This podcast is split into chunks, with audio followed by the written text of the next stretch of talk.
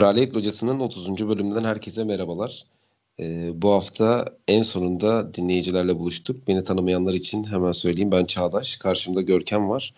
Ee, uzun süredir e, yayınlara katılamıyordum özel işlerim dolayısıyla. Ee, bir türlü üçlü de yapamadık. Yine ikili şekilde devam ediyoruz. Ee, Görkem selamlar. Selamlar abi.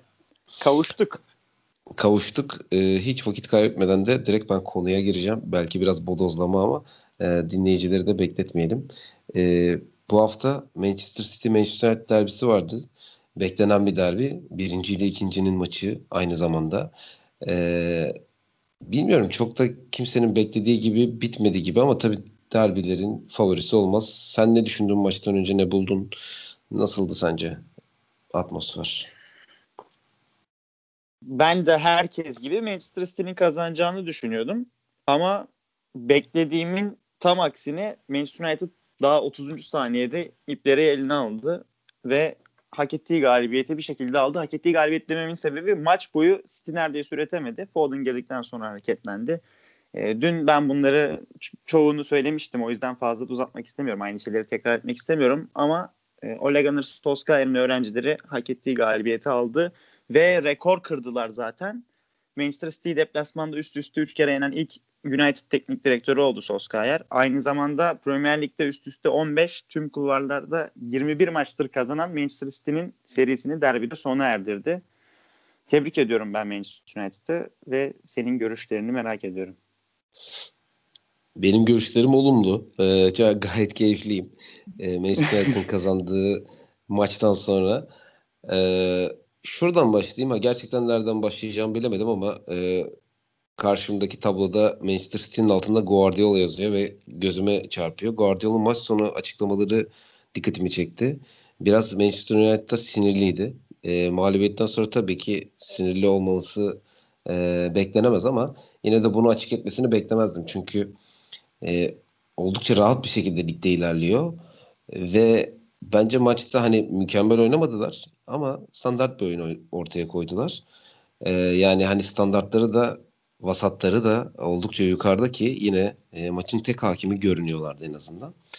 E, buna rağmen Guardiola maç sonunda hani Manchester United'ın galibiyetine gölge düşürecek açıklamalarda bulundu. Şöyle ki işte hani e, rakibimiz iyiydi. Çok fazla şut çektiler. Biraz ironik bir şekilde. E, kendilerinin iyi olduğunu söylediler, söyledi ve aynı zamanda şunu söyledi. Hani bizim birkaç maç kazanmamız şampiyonluk için yetecek. E, ancak e, yani 7-8 maç kazanmamız şampiyonluk için yetecek. Ancak e, rakiplerimizin tabii burada e, muhtemelen Manchester United'i daha çok işaret ederek bütün maçlarını kazanması gerekir. Bizi geçmek istiyorlarsa dedi.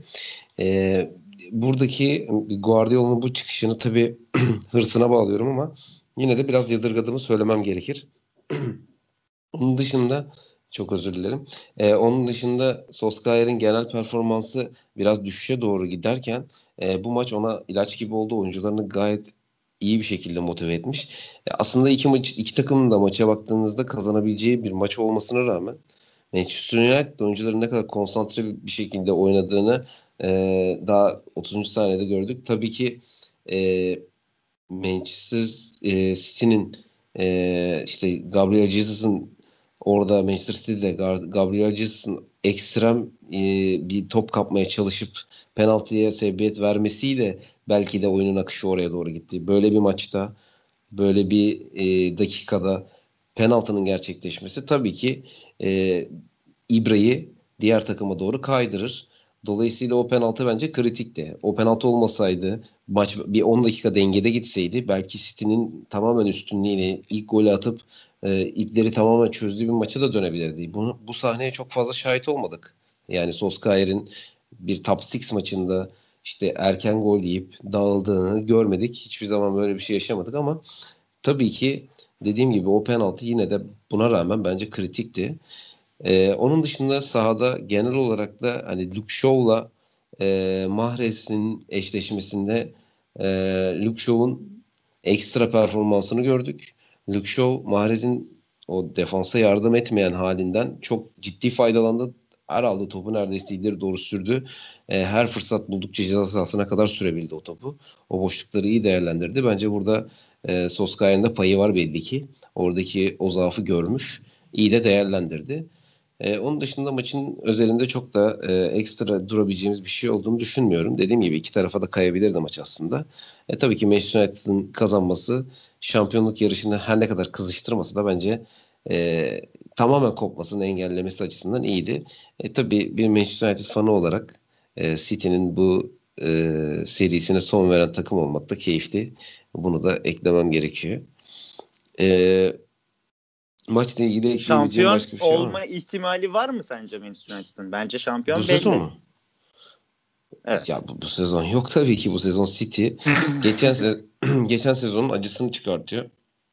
Geçen sezon en, yani Kraliyet Hocası programının son dönemlere doğru yani ikinci yarıdan sonra başlamıştık. O, orada da sürekli söylüyorduk yani Liverpool şampiyon evet olu- oluyor oldu gibi. Hani bir türlü olamadı ya o dönemde tam da. Aynen. Ama City sezonun futbolunu oynuyor. E, bu sezon işte acısını çıkartıyor dediğim yer orası. E, bunu nasıl yaptığını daha önceki programlarda konuştuk tabii. Hani üstünde çok çok e, durmamıza gerek var mı bilmiyorum Durmaya ama gerek yok. bence de gerek yok. E, gayet e, Guardiola'nın işte belki romantik teknik direktörler arasında en başarılı olanlarından biri Guardiola. Çok da severiz. E, dünya futboluna yön verdi adeta.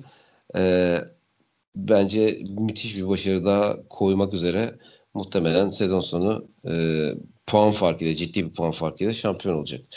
Bu belki şu anki puan farkından da fazla olur yani. O, orası da ucu açık. Guardiola direkt olarak gözünü Şampiyonlar Ligi şampiyonluğuna dikmiştir. Bayern Münih Manchester City finali ve Guardiola'nın ellerine kalkan Şampiyonlar Ligi kupası. Olağanüstü bir hikaye olur. Var bir hayali.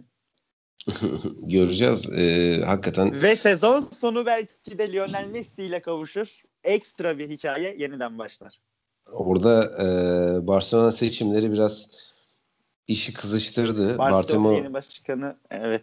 e, Evet. belki tutabilir Messi'yi ama tabii dediğin gibi e, sürekli konuştuğumuz Messi, Manchester City, Guardiola birleşmesi belki de gerçekleşir. Hatta Premier Lig'de katalım. Birleşmesi belki de gerçekleşir ve biz de burada keyifle e, Messi'yi konuşuruz. E, Ronaldo da belki Manchester United'a dönüp burada futbolu bırakmak ister. Messi ve Ronaldo Premier Lig'de aynı cümle içinde geçmesi bile tüylerimi diken diken yaptı. Olağanüstü bir şey olur.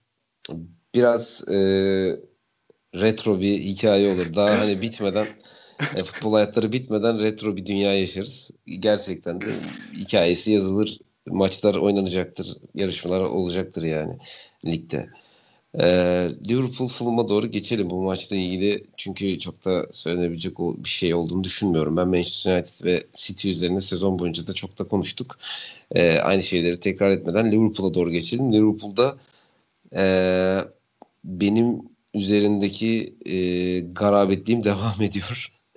Ee, Liverpool şampiyon olur dediğim günden beri sakatlanmayan oyuncu, ee, işte yeri değişmeyen futbolcu, formsuz oyuncu kalmadı. Kazanılan Gerçekten- maç da kalmadı abi. Sanıyorum artık kazanılan maç da kalmadı değil mi? Evin evinde Çünkü üst üste şöyle kaç bir maç mağlup istatistik var. olmuştu?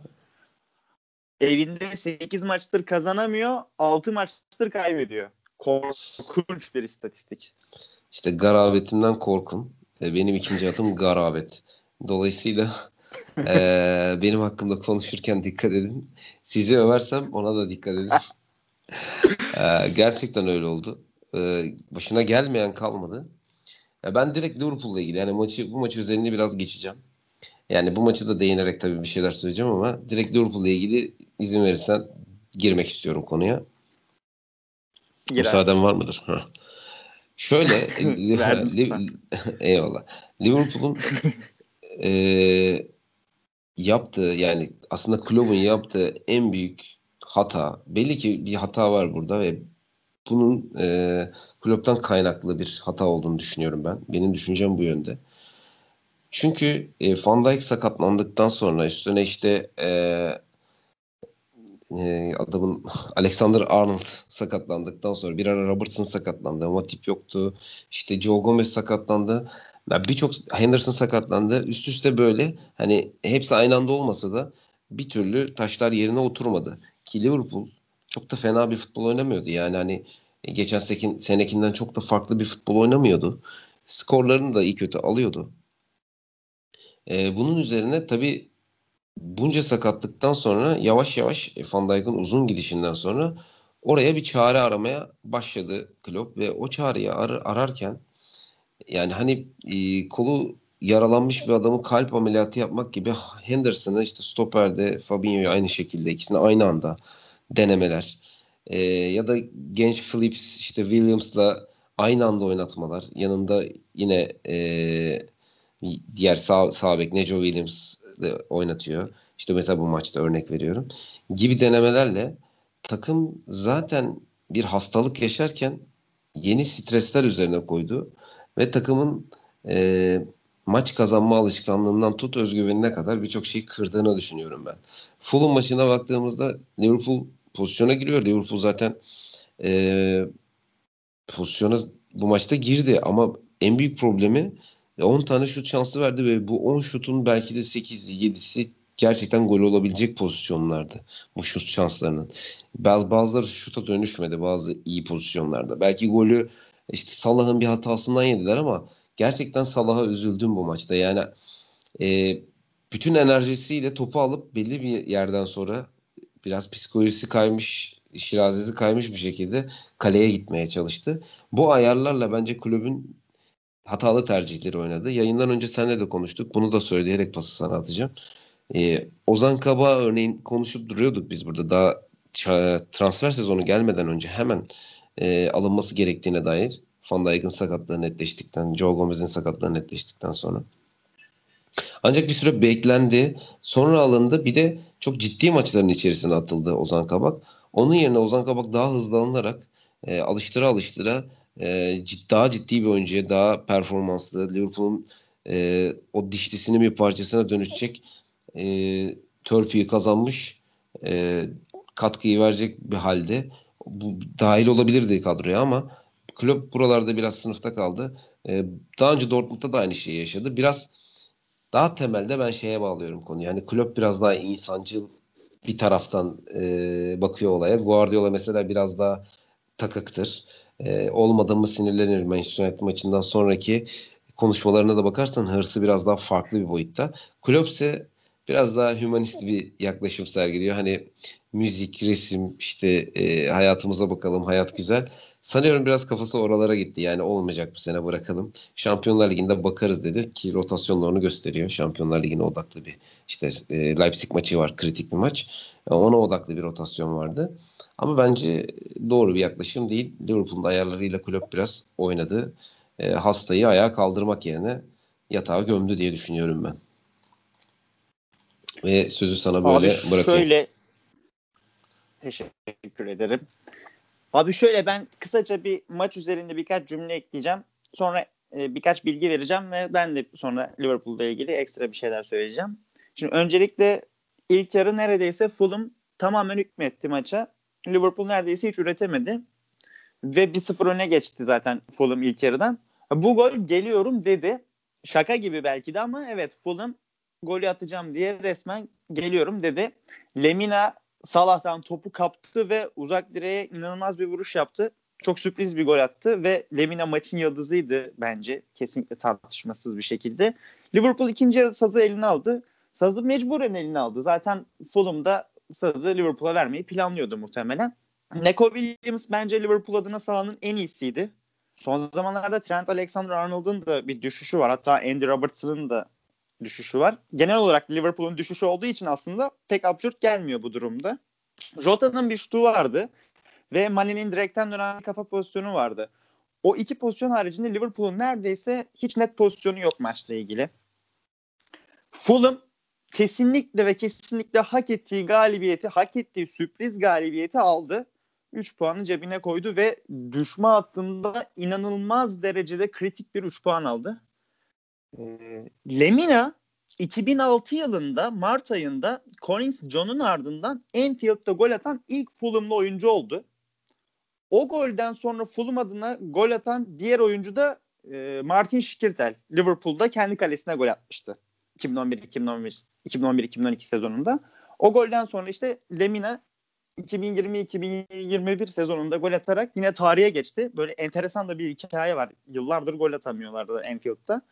Lemina da şapkadan tavşanını çıkartarak adını tarihe yazdırdı. Hatta maçın yıldızı olarak ekstradan yazdırdı. Bir, bir de şunu eklemek istiyorum maçtan çıkarak. Ozan konusuna değinmiştim. Ozan Kabak'la ilgili e, çok kısa şunu ekleyeceğim. Abi dediğine katılıyorum. Alıştıra alıştıra monte edilmedi. Mesela e, Brighton maçında kadroda yoktu.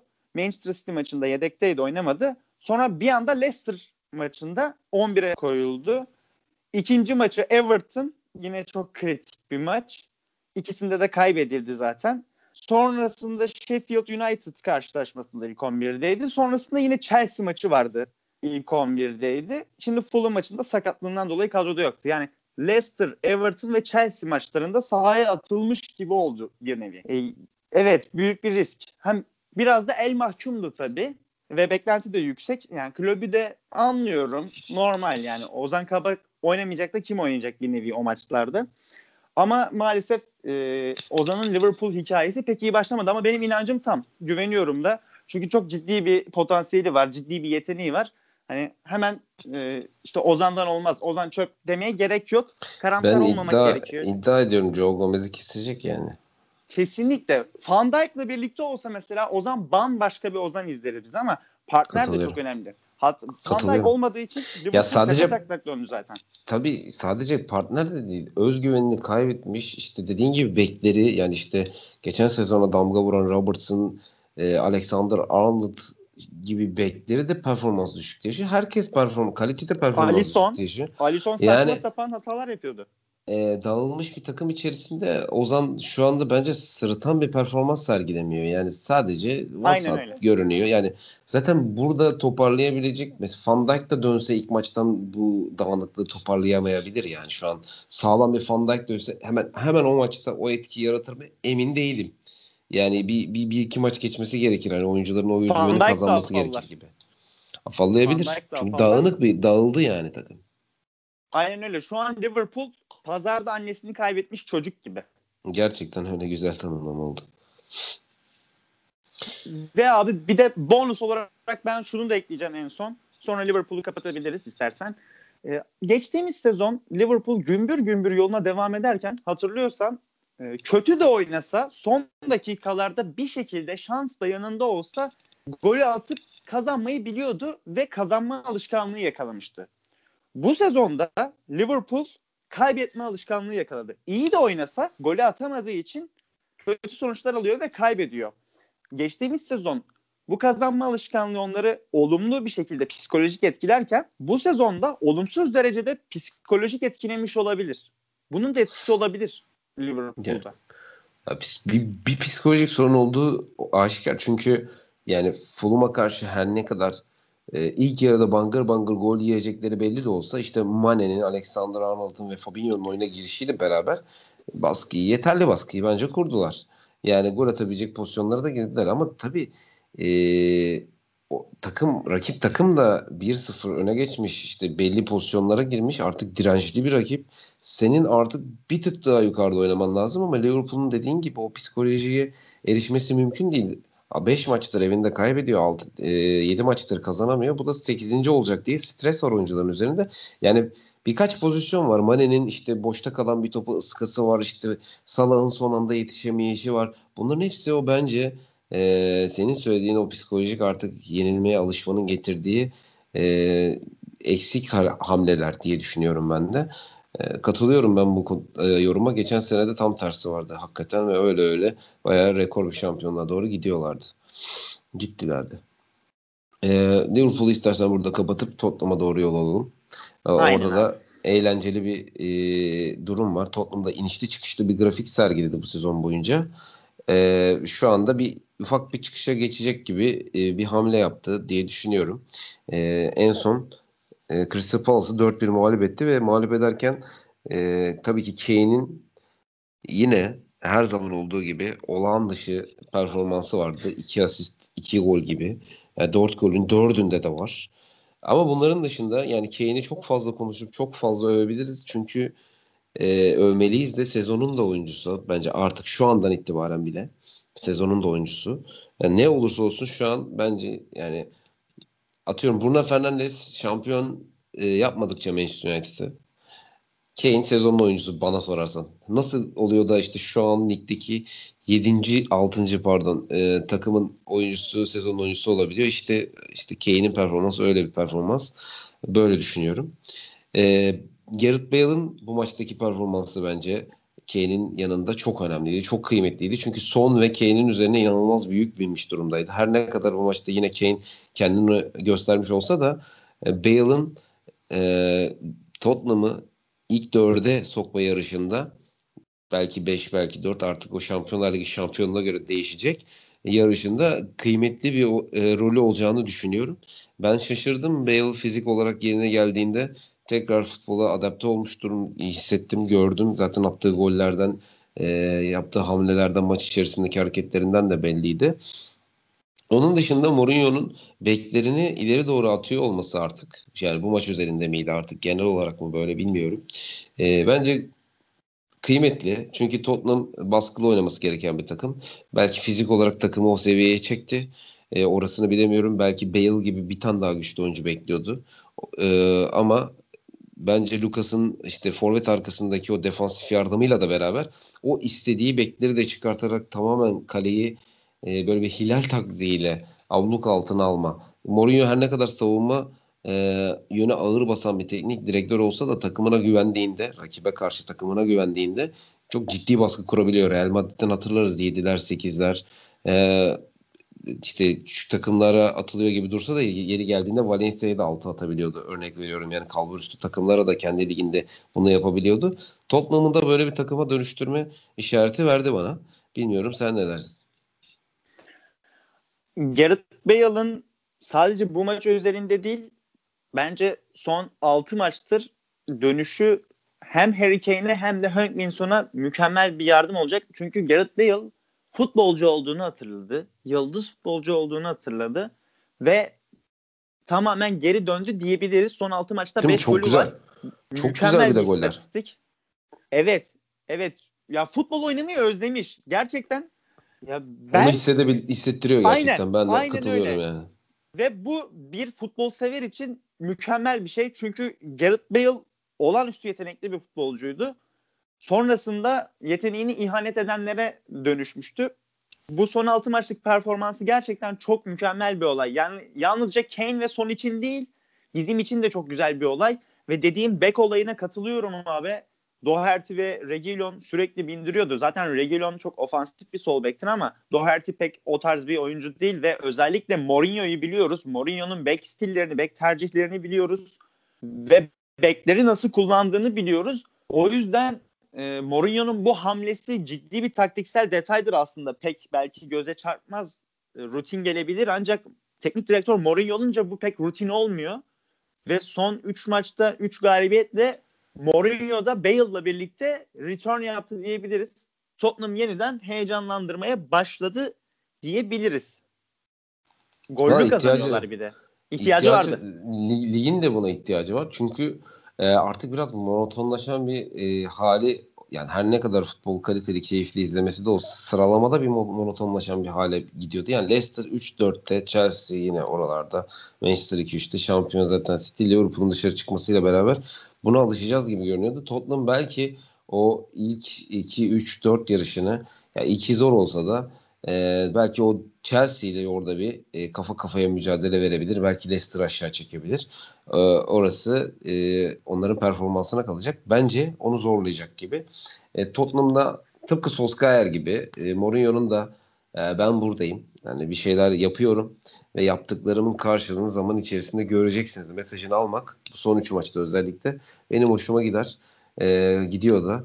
Umarım e, önümüzdeki sezona daha dengeli bir şekilde başlarlar. Hani şimdi her ne kadar sezon devam ediyor takip edeceğiz tabii ama e, daha da böyle kızışmış bir yarışma izleyebiliriz. Bu sene hakikaten izlemesi keyifli. E, böyle devam ederse Tottenham daha da keyifli olacak. Bir keyifsiz takıma geçeceğim şimdi. Ee, Tottenham'ın belki- en büyük rakibi mi yoksa? Ya en ya, ligin en keyifsiz iki takımı olabilir. Bilmiyorum emin değilim. Tabii biraz abartıyorum ama e, Burnley ile Arsenal maçı vardı. Maç üzerine üzerinden e, genel bir Arsenal değerlendirmesi de yaparız. E, yani bekleyeceğim senden. Ya maç komik bir maç ama onu söylemekte fayda var. Çünkü e, Arsenal bayağı da iyi başladı maçı. Yani hem oyun olarak hem de erken gol bularak Aubameyang'ın ekstra golü vardı gerçekten. Ben yani ekstra demek biraz abartı kaçabilir ama çok e, güzel bir golü vardı. Aubameyang'dan e, bunu yapmasını beklersin. E, ve yaptı. Üzerine düşeni. E, ancak şaka da Abi, üzerine, üzerine düşeni yaptı. Bölüyorum.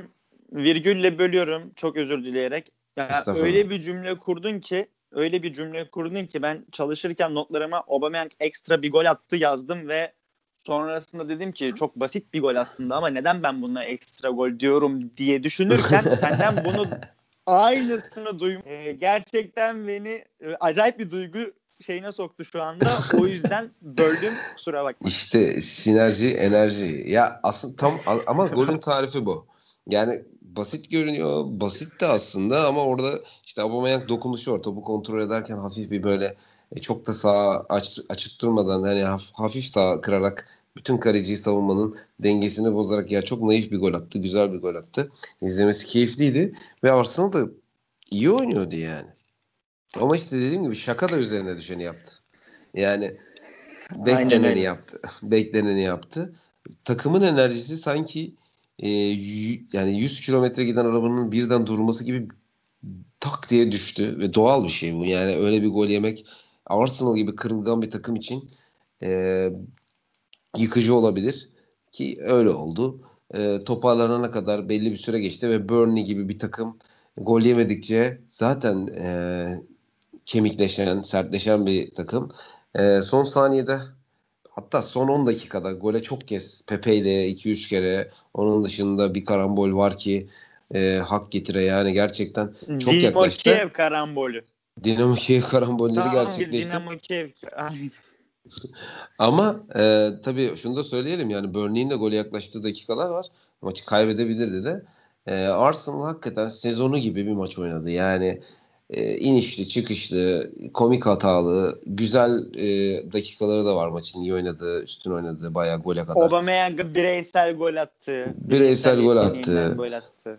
Aynen tam sezonu gibi bir maç. İşte inanılmaz goller kaçırdı. Ee, sezonu Arsenal adına nasıl biteceğini de gösterdi. Belli ki ortalarda bir yerde bitirecekler.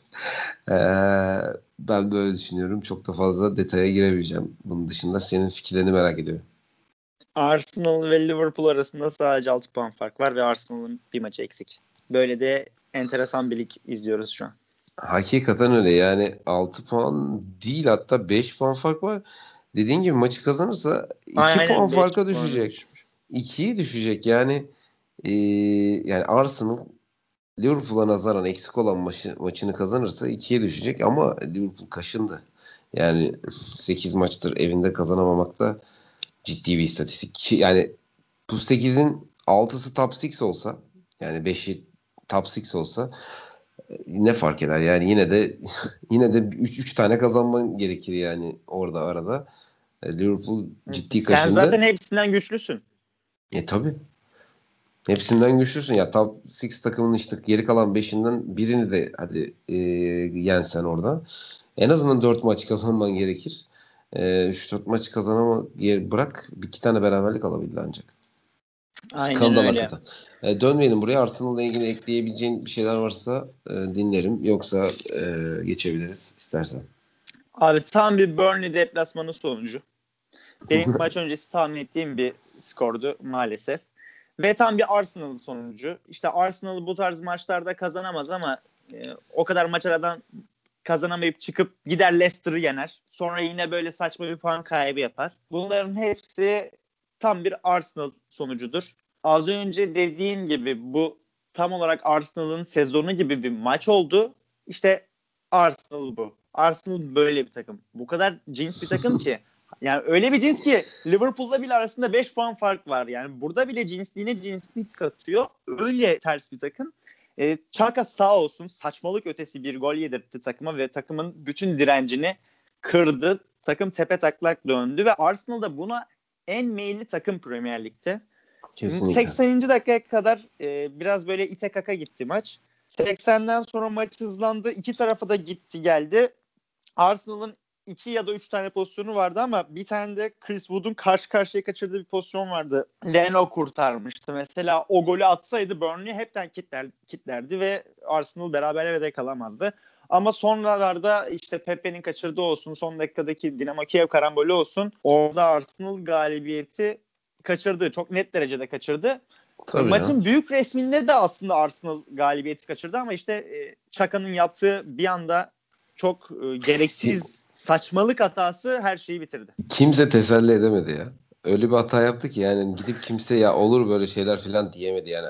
Ee, Wood'un gol sevinci her şeyi anlatıyor zaten. Bilmiyorum izlemeyenlere muhakkak izlesin. Wood'un gol sevinci her şeyi anlatıyor yani. Ee, bunu şu anda tarif etmem mümkün değil sesle. Göstermem lazım o da mümkün değil. Dolayısıyla mutlaka izleyin. Chris Wood'un gol sevinci e, Şaka'nın yaptığı hata gerçekten takımın direnci nasıl bu bir golle düşer e, açıklamasını yapar nitelikteydi yani. Çaka'nın bakışı. Çaka'nın bakışı gerçekten yani. Zor. Şu an bizim konuşamadığımız gibi bir durum. Yani hani tam olarak öyle. aynen aynen.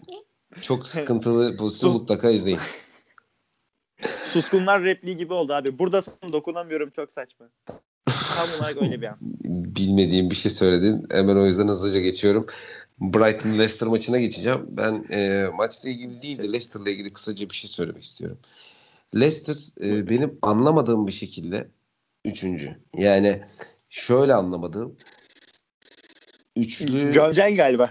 Yok yok anlamadığım bir şekilde üçlü şey üçlü diyorum üçüncü. Ee, aynı zamanda üçlü oynuyorlar şu an ona bakıyordum. Ya bir, bir üçlü oynayıp bir dörtlü oynayıp bir e, rakip sahada baskı kurup bir topa sahip olup e, yani gerçekten e, Brandon Rodgers'ı takdir ediyorum. Gerçekten takdir ediyorum. Çünkü bir ara Ward'ı da kaybettiler. Her ne kadar o dönemde iyi, e, iyi bir e, ritim tutturamamış olsalar da bir şekilde takımı e, top 4'te tuttu. Yani ilk 4'ün arasında hep tuttu ve o savaşın içerisinde her zaman yer aldı. E, ben sadece Brandon Rodgers'ı takdir ediyorum. Hakikaten e, yani şimdi dönüp işte Lampard kovuldu mesela Chelsea'de. Kaldıramadı orayı. Her ne kadar Leicester'ın üzerinde öyle bir baskı olmasa da e, baskı olmadan da buraları oynamak bence kıymetli, değerli. O yüzden e, takdir ediyorum. Aynı zamanda e, yine izlemeyenler için Tillemans'ın e, asistini, Iheanacho'ya yaptığı asisti mutlaka izleyin ve mağlup durumdayken yaptığı asisti no'luk bir asist yaptı. Mükemmel. Hakikaten, mükemmel, mükemmel ötesi. Hakikaten öyle. Hakikaten Kevin öyle. De Bruyne. Kevin De Bruyne attı sandım pası bir an. Öyle bir pastı. Mükemmeldi gerçekten. Gerçekten. Söyleyeceklerin varsa abi e, bitirebilirsin. Yok, Sonra yok yok benim ekleyeceğim pek bir şey yok.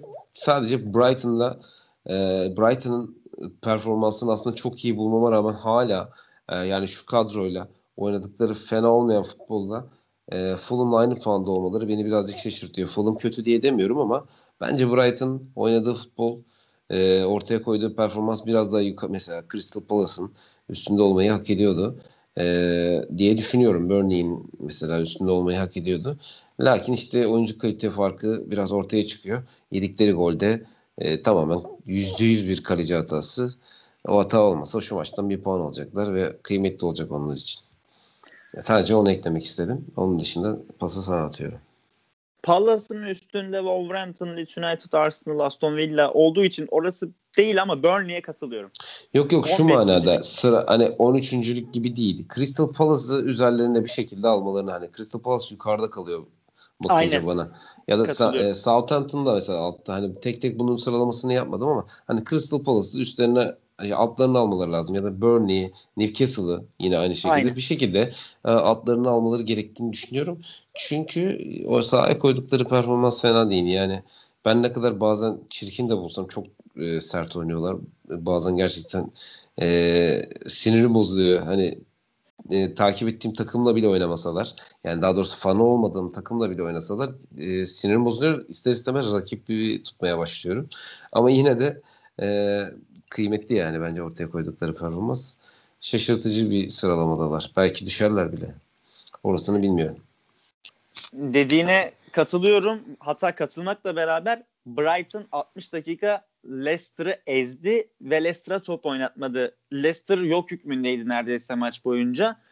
İşte o Yuri Tillemans'ın e, şapkadan tavşan çıkartan asisti, Yuri Tillemans görünümlü Kevin De Bruyne'nin mükemmel asisti de diyebiliriz. Iheanacho'nun güzel kontrolü ve şık vuruşuyla karşılaşmayı bir bire getiren golü sahada dolanan Leicester'ı hareketlendirdi ve Leicester küllerinden yeniden doğdu. Sonrasında da Amartey'in attığı golle maçı kazanmayı bildi. Zaten o da son dakikalarda gelen bir gol. İşte kaleci hatası zaten. Aynen öyle. Kaleci yan topta boşa çıkıyor. Amartey boş kaleye kafa golü atıyor. İşte e, Tilemans'ın pozisyondaki o e, meziyet, o yetenek olmasaydı Brighton bu maçı kazanırdı. Hatta Brighton maç 1-0 iken 2-0'ı 3-0'ı da yakalayacak pozisyonları buldu. Buldu. Kaçırdılar. Gerçekten 60 dakika hapsettiler, yok ettiler Leicester'ı, paramparça ettiler. Pereira çok iyiydi e, Leicester'da ekstradan. Amartey, Pereira ve Iheanacho o sağ kanat üçlemesi iyi işledi Leicester'da. Özellikle 60'tan sonra iyi işledi. Ve e, dediğine çok katılıyorum. Çok der, yani o kadar çok katılıyorum ki başka bir şekilde ekleyeceğim. Hani sen dedin ya Brandon Rodgers bir üçlü oynuyor, bir dörtlü oynuyor, bir Vardy yokken oynuyor, bir Madison yokken oynuyor. Abi neredeyse 18 tane eksiği vardı Leicester'ın bu maçta ve çoluk çocukla sahaya çıktı. İşte ilk 11'deki Tavares'i olsun, yedeklerde işte Leşabela olsun, e, Deli Campbell olsun. Daha ismini sayamayacağım 3-4 kişi daha var. E, ilk 11'de gençlerden ilk 11'de ve yedeklerde bu kadar genç ağırlıklı oyuncuların olduğu ve formasyonun bir anda 3-5-2'ye döndüğü sürekli zaten dörtlü ve üçlü arasında bir geçiş uyguluyordu Brandon Rodgers ama Brandon Rodgers aslında bunu geçtiğimiz sezon da yaptı. Harry Maguire'ı rekor ücrete sattı Manchester United'a. Hiç oynatmadı. Çağlar Söyüncü'yü bir anda monte etti. Transfer yapmadı. Yani aslında elindeki malzemeden en lezzetli yemeği çıkartabilen bir teknik direktör olduğunu kanıtladı Brandon Rodgers. Bunun da meyvelerini bir şekilde alıyor. Keza Mark Albright'ın adamı yeri geliyor kanat oynatıyor, yeri geliyor kanat beki oynatıyor. Artık sistemi dörtlüyse ona göre, üçlüyse ona göre bir rolde kullanıyor ve bu maçta da Tavares yerine koyup sağ iç oynattı. Yani e, eldeki kısıtlı imkanlarla bile bir şeyler çıkartıyor. Gerçekten takdire şayan. Çok Spor. çok çok takdir ediyorum yani Rodgers'ı ve kolay kolay da üçüncülükten e, vazgeçecek gibi de durmuyor. Ya sporun en önemli, ya sporun en, en e, göze çarpan ruhlarından biri. Yani hani spor ruhu dediğimiz şey var ya, tanımlayamadım bir türlü ama spor ruhu dediğimiz şey var ya işte o vazgeçmeme hikayesi. E, onu seyirci izlemeyi sever. Her ne kadar böyle kaliteli bir şey her seferinde izlemesek de Leicester'a baktığımızda e, orada görüyor olmak e, gerçekten hoşuna gidiyor insanın. Yani hani Brandon Rodgers'ı takdir etmemek mümkün değil. E, buradan Chelsea'ye geçelim diyorum. E, Leicester'la ilgili söyleyeceklerimiz bittiyse. Maçı takip Geçelim. etme şansımız olmadı. Tabii şimdi biz yayındayken belki de maç bitti. E, 2-0 e, evet sonuçlandı.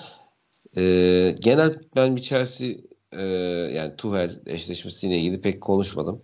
E, bir ihtimali varken konuşmuştuk. Ondan sonra konuşmadık. E, Tuhal ne yaptı ne etti. Belki siz Oğuz'la beraber e, konuştunuz ama ben ekleme yapamadım oralara. E, o yüzden Tuhal ile ilgili bir şeyler söylemek istiyorum. Yani Tuhal hakikaten e, Paris'te çok yabancı olmadığı bir şekilde e, kolay gol yiyen, savunmada sürekli hatalar yapan Chelsea'ye e, üçlü savunma merhemini sürdü. Evet zaten daha önce e, birkaç yıl önce aynı benzer oyuncularla Conte de bu müdahaleyi yapmıştı ve yine başarılı olmuştu. Şampiyon olmuştu. Hatırlarsanız iki ya da üç sene önce yanlış hatırlamıyorsam. E, bu tabii e, Christiansen, işte Zuma, Rudiger, Aspilicueta gibi e, çok da tam stoper olmayan e, stoperde e, sekteye işte arızaları, noksanları ortaya çıkabilecek oyunculardan oluşan yani dörtlü savunma için özellikle, özellikle söylüyorum. Ancak potansiyelleri de olan yani fena da topçular değil. Atıyorum bu oyuncuları al Everton'a koy. İşte e, galibiyet stresinden her maç uzaklaşacakları için yani daha doğrusu her maçı kazanma stresinden Everton gibi işte ne bileyim ya da ne bileyim orta sıra West Ham takımları West Ham gibi takımlarda oynadıklarında her maçı kazanmak zorunda olmadıkları için oralarda kendilerini geliştirebilirler. Ama işte Chelsea gibi takımlarda her maç galibiyet bekleniyor ve hatalarınız çok daha fazla göz önünde. Dolayısıyla e, orada gelişim şansınız biraz zor. E, potansiyeli bu oyuncular birbirlerinin hatalarını telafi edebilecekleri e, mesafelerde işte üçlü savunmada durduklarında ve bunların yanlarında oynayan kanat bekleri Alonso gibi, Silver gibi, James gibi bazen Aspilicueta da yine aynı şekilde orada oynuyor. Bu oyunu bilen e, oralarda defansif anlamda, hücum anlamında ne zaman nereye çıkacağını bilen oyuncular olunca işler değişiyor. Zaten Chelsea'de kanat oyuncuları da yok. Sezon başından beri aynı şeyi konuşuyoruz. İşte Havertz gibi, Werner gibi, Hudson Odoi gibi, işte Giroud gibi, Ziyech gibi içeriği karıştırabilecek bu üçlü e, savunmanın alternatifini yani ileri alternatifinde ikili de olsa işte iki forvetle de olabilir bu ya da iki orta saha tek forvette de olabilir, iki forvet arkası tek forvette olabilir gibi formasyonlarda e, çeşitlendirilmiş e, bir Chelsea çıkardı Tuchel bize ve e, tabii ki başarı geldi. Gol yemeyen bir Chelsea var. Chelsea şu anda yanlış hatırlamıyorsam tekrar bir bakıyorum puan tablosuna. Evet en az gol yiyen ikinci takım e, City'den sonra. E, ve bu Tuhal'le beraber gerçekleşmiş oldu. E, sanıyorum e, uzun süredir gol yemiyorlar. Şimdi kaç maçta hatırlamıyorum ama e, bence e, anahtar tabii ki üçlü savunma oldu ve e, Tuhal'de tahmin ettiğimiz gibi bu e, güzel oyunculardan başarılı skorlar aldı. Oyun olarak o kadar üstün müdür? İki gol yediler abi. Toplamda iki Tuhel gol görevi geldiğin Tuhel göreve geldiğinden beri iki gol yediler. Kaç maç oldu? Onu bili, bakabiliyor musun? Görebiliyor musun? Toplam ee, kaç bir bakmayı oldu? denerim ama elimde şöyle bir veri var. Tuhel göreve geldiğinden bu yana ligde en az gol yiyen takım birinci Chelsea, ikinci Manchester City 6, üçüncü Manchester United 7. İşte yani hani bu zaten e, bu istatistikte de görmüş olduk. E, yani Tuhel'in ortaya koyduğu şu performans, şu savunma oyuncularıyla e, hakikaten bir e, tecrübenin sonucudur. O da Paris'te de e, üçlüyü denedi. Orada da başarılı oldu yer yer. Şimdi de Premier Lig, Lig gibi e, çata çat mücadelenin işte yere düşenin kafasına bir tekme daha vuruldu e, ligde. Liverpool'un durumunu, e, Arsenal'ın durumunu gözlemlersek hemen anlarız. Böyle bir ligde çok kıymetli bence. Çok kıymetli yani. Ve Manchester Manchester City'ye 6 gol yedi demiştim ya abi. Hı hı. Ee, Brighton da 6 gol yemiş. Fulham da 6 gol yemiş. Brighton'ı biraz biraz daha övebiliriz. Ya Brighton hakikaten yazık. Ee, Chelsea ile ilgili Chelsea Everton maçı da yani takip edemedin diye biliyorum ben yanlış bilmiyorsam. İyi, Biraz 2-0 üstün körü ama. biraz üstün körü bakındım. Jorginho'nun penaltı golünü görmüştüm mesela. Abi e, enteresan veriler var yine bununla ilgili. Premier Lig tarihinde iç sahada çıktığı ilk 5 maçta gol yemeyen ilk menajer olmayı başardı Tuchel. Chelsea yenilmezlik serisini 11 maça çıkardı. 11 maç 8 galibiyet 3 beraberlik. Attığı gol 13 yediği gol 2.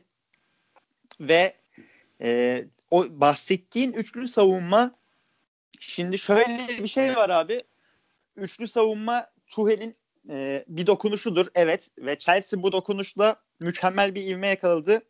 Evet. Ancak e, şöyle de bir şey var. İşte sen demiştin ya hani bazı oyunculara ekstradan dokunuyor bu sistem. Birincisi zaten e, Marcos Alonso. Alonso tam bir kanat beki. Tam böyle üçlü savunma için e, var olmuş bir sol bek gibi bir şey. Gerçekten çok güzel bir yere değindin. Yani Alonso hani bunu e, senle Leicester daha önceki programlarda yani Oğuz da buradayken Kastayın için konuşuyorduk. Yani adam evet. dörtlü savunmada vasat bir bek yani normal bir bek. Ama üçlü savunmanın sağına geçtiğinde Kastayın için konuşuyorum. Adam ekstra bir performans ortaya koyuyor. Gerçekten nerede duracağını, ne zaman defansa yardım edeceğini, ne zaman orta sahaya, ne zaman ileri uca yardım edeceğini bilen, oyunu okuyan bir oyuncuya dönüşüyor. Alonso'nun tabii Kastayn'a göre daha da ekstra özellikleri var. Şutu var, golü var.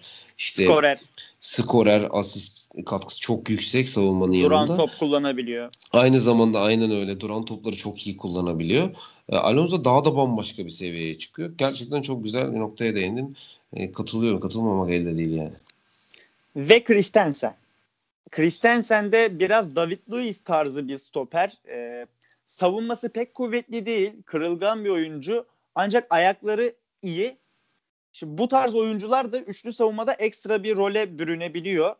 Antonio Conte'nin Chelsea'sindeki David Luiz etkisini direkt olarak örnek verebiliriz bunda da.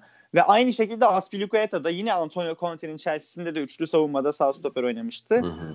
Tuhel'in e, bir taşta 3 kuş vurduğunu direkt olarak görüyoruz. Kante, Jorginho, Kovacic üçlüs, üçlüsünden de maksimum verim alıyor. Çünkü e, Kante oynasa, Kante, Jorginho oynasa neden Kovacic oynamıyor demiyorsun. Kante, Georgi, Ka, e, Kante Kovacic oynasa neden Jorginho oynamıyor demiyorsun. Kovacic Jorginho oynasa neden Kante oynamıyor demiyorsun. Ve Mason Mount Chelsea'nin neredeyse %50'si durumunda olağanüstü performans sergiliyor. Ve son olarak e, değinmek istediğim isim Callum Hudson-Odoi. Çünkü bu sistemle e, üçlü savunmanın ya daha doğrusu beşli orta sahanın kanat beki olarak oynuyor o da Marcos Alonso gibi. Yeni bir role Hı-hı. büründü. E, ve e, Lampard'ın pek tercih ettiği bir oyuncu değildi. Aynı zamanda biz de hep söylerdik hani kanat yok mesela kanat yok diye. Ben de belki Odoy olabilir diye söylüyordum ama Lampard'dayken olamayış hikayesi gösteriyordu bize. Tuhel geldi. Çok ciddi bir dokunuşu oldu Odoy'u. Reece James'i kesti yeri geldiği zaman. Bu Everton maçında da ön tarafta oynattı bu sefer onu. Hatta yeri geldi Southampton maçıydı yanılmıyorsam.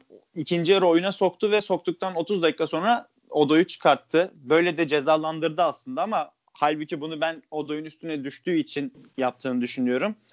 Ee, yani Tuhel'in çok net dokunuşları var ve bu saha içine de yansıdı. Biz Lampard görevden ayrıldıktan sonra şunu demiştik hani Lampard'ın net bir sistemi yoktu. Ne yaptığını karar veremiyordu. İşte bir 11'de 6-7 kişi en azından belli olur gibiydi. Sürekli sistem değiştiriyor vesaire. Bir ton e, olumsuz şeyden bahsediyorduk. İşte bu sefer Tuhel'de de bunların hep olumlu senaryoları var. En belirgininde bireysel oyuncuların üzerindeki bireysel performans etkisi. Evet Lampard'ın özellikle orta sahada mesela oyunculardan tam olarak ne beklediğini anlamıyorduk. Yani o alanda mesela Kante'yi kullandığında ön alanda işte Jorginho Kovacic ya da Mount Kovacic gibi daha yumuşak e, oyuncular kullanıp hani mesela Kante'den tamamen savunmanın önündeki her şeyi toplamasını bek yani bekleme gafletine düşebiliyordu. Her ne kadar Kante olağan dışı bir futbolcu olsa da yani gerçekten çok üstün özellikleri olan bir futbolcu olsa da o zaman Kante'yi çektiğinde bambaşka bir oyun düzenine dön, dönüyordun. Çünkü muadili yok kadroda. Dolayısıyla şu andaki sistemde senin dediğin gibi Jorginho Kovacic oynadığında neden Kante yok ya burada dedirtmiyor bu sağ dizileme bize. Çünkü solunda Alonso, sağında James, arkasında 3 tane kapı gibi stoper var. Ya tabii ki kapı gibi değiller ama 3 tane stoper var yani. Hani sağlam savunma oyuncuları var e, nispeten. E, dolayısıyla orada ya bu orta saha yumuşak mı sorusunu sordurmuyor. E, buraya bir de Kante eklendiğinde daha hani mücadele seviyesi yüksek Everton'da yüksek bir maç ama daha da sertleşen bir orta sahaya Kante'yi attığında çok daha farklı bir çok daha sert bir takıma dönüşebiliyor. Her ne kadar e, hücumsal işte e, yaratıcılığı daha doğrusu azaltsa da e, daha mücadeleci, daha dengeli bir takıma dönüşeceği gerçek. Chelsea tamamen e, dengeli, ne yaptığını bilen bir takıma dönüştü. Tuhal'le beraber hem skorlar hem de bence e, Chelsea gibi bir takımın Chelsea gibi bir takımın yemediği goller e, bunu açık bir şekilde bize gösteriyor. Chelsea yukarıya doğru gidiyor. Bakalım yani benim merakım e, acaba e, Manchester United'ı geçebilecekler mi? E, ben geçme ihtimallerinin olduğunu düşünüyorum. E, kesin diyemem. Ben artık e, bir sonuç belirtmek istemiyorum. Yani kime ne dediysek baş aşağı gidiyor. Ama, Ama gerçekten tabii, öyle abi. O e, Manchester United, Leicester ve Chelsea sıraya koymak çok zor bir durum. Ben de çünkü sürekli puan durumuyla göz göze geliyorum. Acabalar içerisinde kayboluyorum. Böyle bir durum. Öyle öyle güzel bir yarış var orada. Geçen seneki gibi biraz e, ikincilik yarışı izleyeceğiz. İlk dört yarışı izleyeceğiz daha doğrusu. Everton ve Tottenham da oraya tabii dahil olacak. Şimdi onların da maç eksikleri var. E, güzel bir ilk dört yarışı izleyeceğiz. Böyle keyifli bir sezon e, süre gelecek. Zaten çok da fazla kalmadı. 10 11 maç ne kaldı? E, aşağı yukarı 11 hafta. E, bakacağız. Belki daha fazla. Şamp şampiyon ve küme düşen belli ama geri kalanı çok zevkli. Aynen öyle. E, ekleyeceğim başka bir şey yoksa küme düşen demişken Mbaye Jackney'e bir 20 saniye ayırmak istiyorum. Premier. Lig'de son 8 haftada en çok gol beklentisine yani XG'ye sahip olan futbolcularda Mbaye Jackne birinci sırada 4.63. ikinci sırada Gabriel Jesus var 4.23. Üçüncü sırada Muhammed Salah var 4.20. İşte 20 milyon euroluk Santrfor Mbaye Jackne. Kaç tane attı? 4.20'den. Ee, hemen bakıyorum. 2 galiba. Bir gol bir asist de olabilir. Ben de öyle bir şey hatırlıyorum da ondan dolayı sordum. Hemen bakıyorum. Yanlış bir gol bir asist. Evet. Evet, evet. Bir gol bir, bir gol bir asist. Güzel. Ee, Ama pozisyona ca- giriyor abi. Ve hoca da memnun. Basın toplantısında falan sürekli Cagney ile ilgili bahsediyor. Ama bunları daha çok yapmamız lazım gibilerinden söylüyor. O zaman Cagney e, gelsin sizi kurtarsın diyoruz West Bromwich. Aynen öyle. Ee, e, çok sağ ol. E, ağzına sağlık Görkem. Güzel, keyifli bir sohbet oldu. Dinleyenlere teşekkür de çok ederim. teşekkür ediyoruz. E, hoşçakalın diyoruz. Senin de ağzına sağlık abi. Hoşçakalın. İyi günler.